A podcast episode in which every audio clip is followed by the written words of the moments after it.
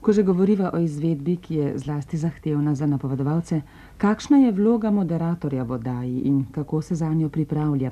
In mimo grede, tovariš Tone Vranič iz Dravograda se je v pismu razburjal, kaj da vlačimo besedo moderator od kdo ve kot. Tako tuje in hladno zveni, ko bi lahko našli kakšen topo izraz za človeka, ki tako prijetno kramlja s poslušalci.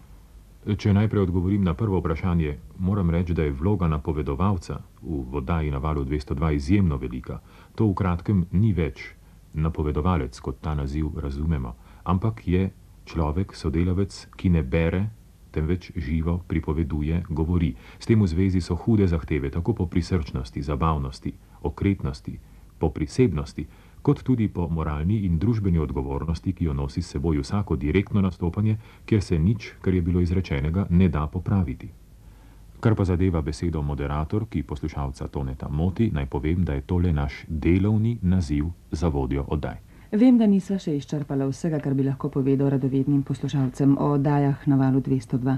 Toda čas beži in pogovor bova morala končati. Rada pa bi zapustila poslušalce v dobrem razpoloženju, zato te prosim, da nam poveš za konec kaj prijetnega, kaj zabavnega, recimo v stilu vala 202. Ajda, če dovoliš, bi raje povedal nekaj, kar ne bo anekdota, pa upam, da bo vsaj nekatere poslušalce tudi po svoje zabavalo. Prosim. Odločili smo se, da razširimo krog tistih, ki vodijo oddaje na valu 202. Tako bomo povabili nekatere igralce, reporterje in druge, ki so se s podobnimi stvarmi že ukvarjali, to se pravi z javnim nastopanjem te vrste, pa tudi vse tiste, ki bi imeli veselje do javnega nastopanja, čeprav kaj takega še niso velikokrat ali mogoče sploh še niso poskusili.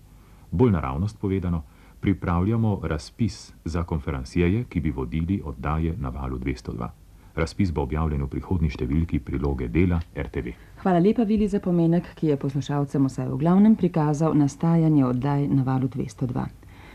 Poslušalce bi ob koncu še rada opozorila na barometer gledanja in poslušanja. Če ste ga morebiti pozabili odposlati, storite to takoj. Še je čas do 22. novembra, da prispevate svoj delež k skupnemu iskanju rešitev, ki bi program izpopolnjevale in izboljšale.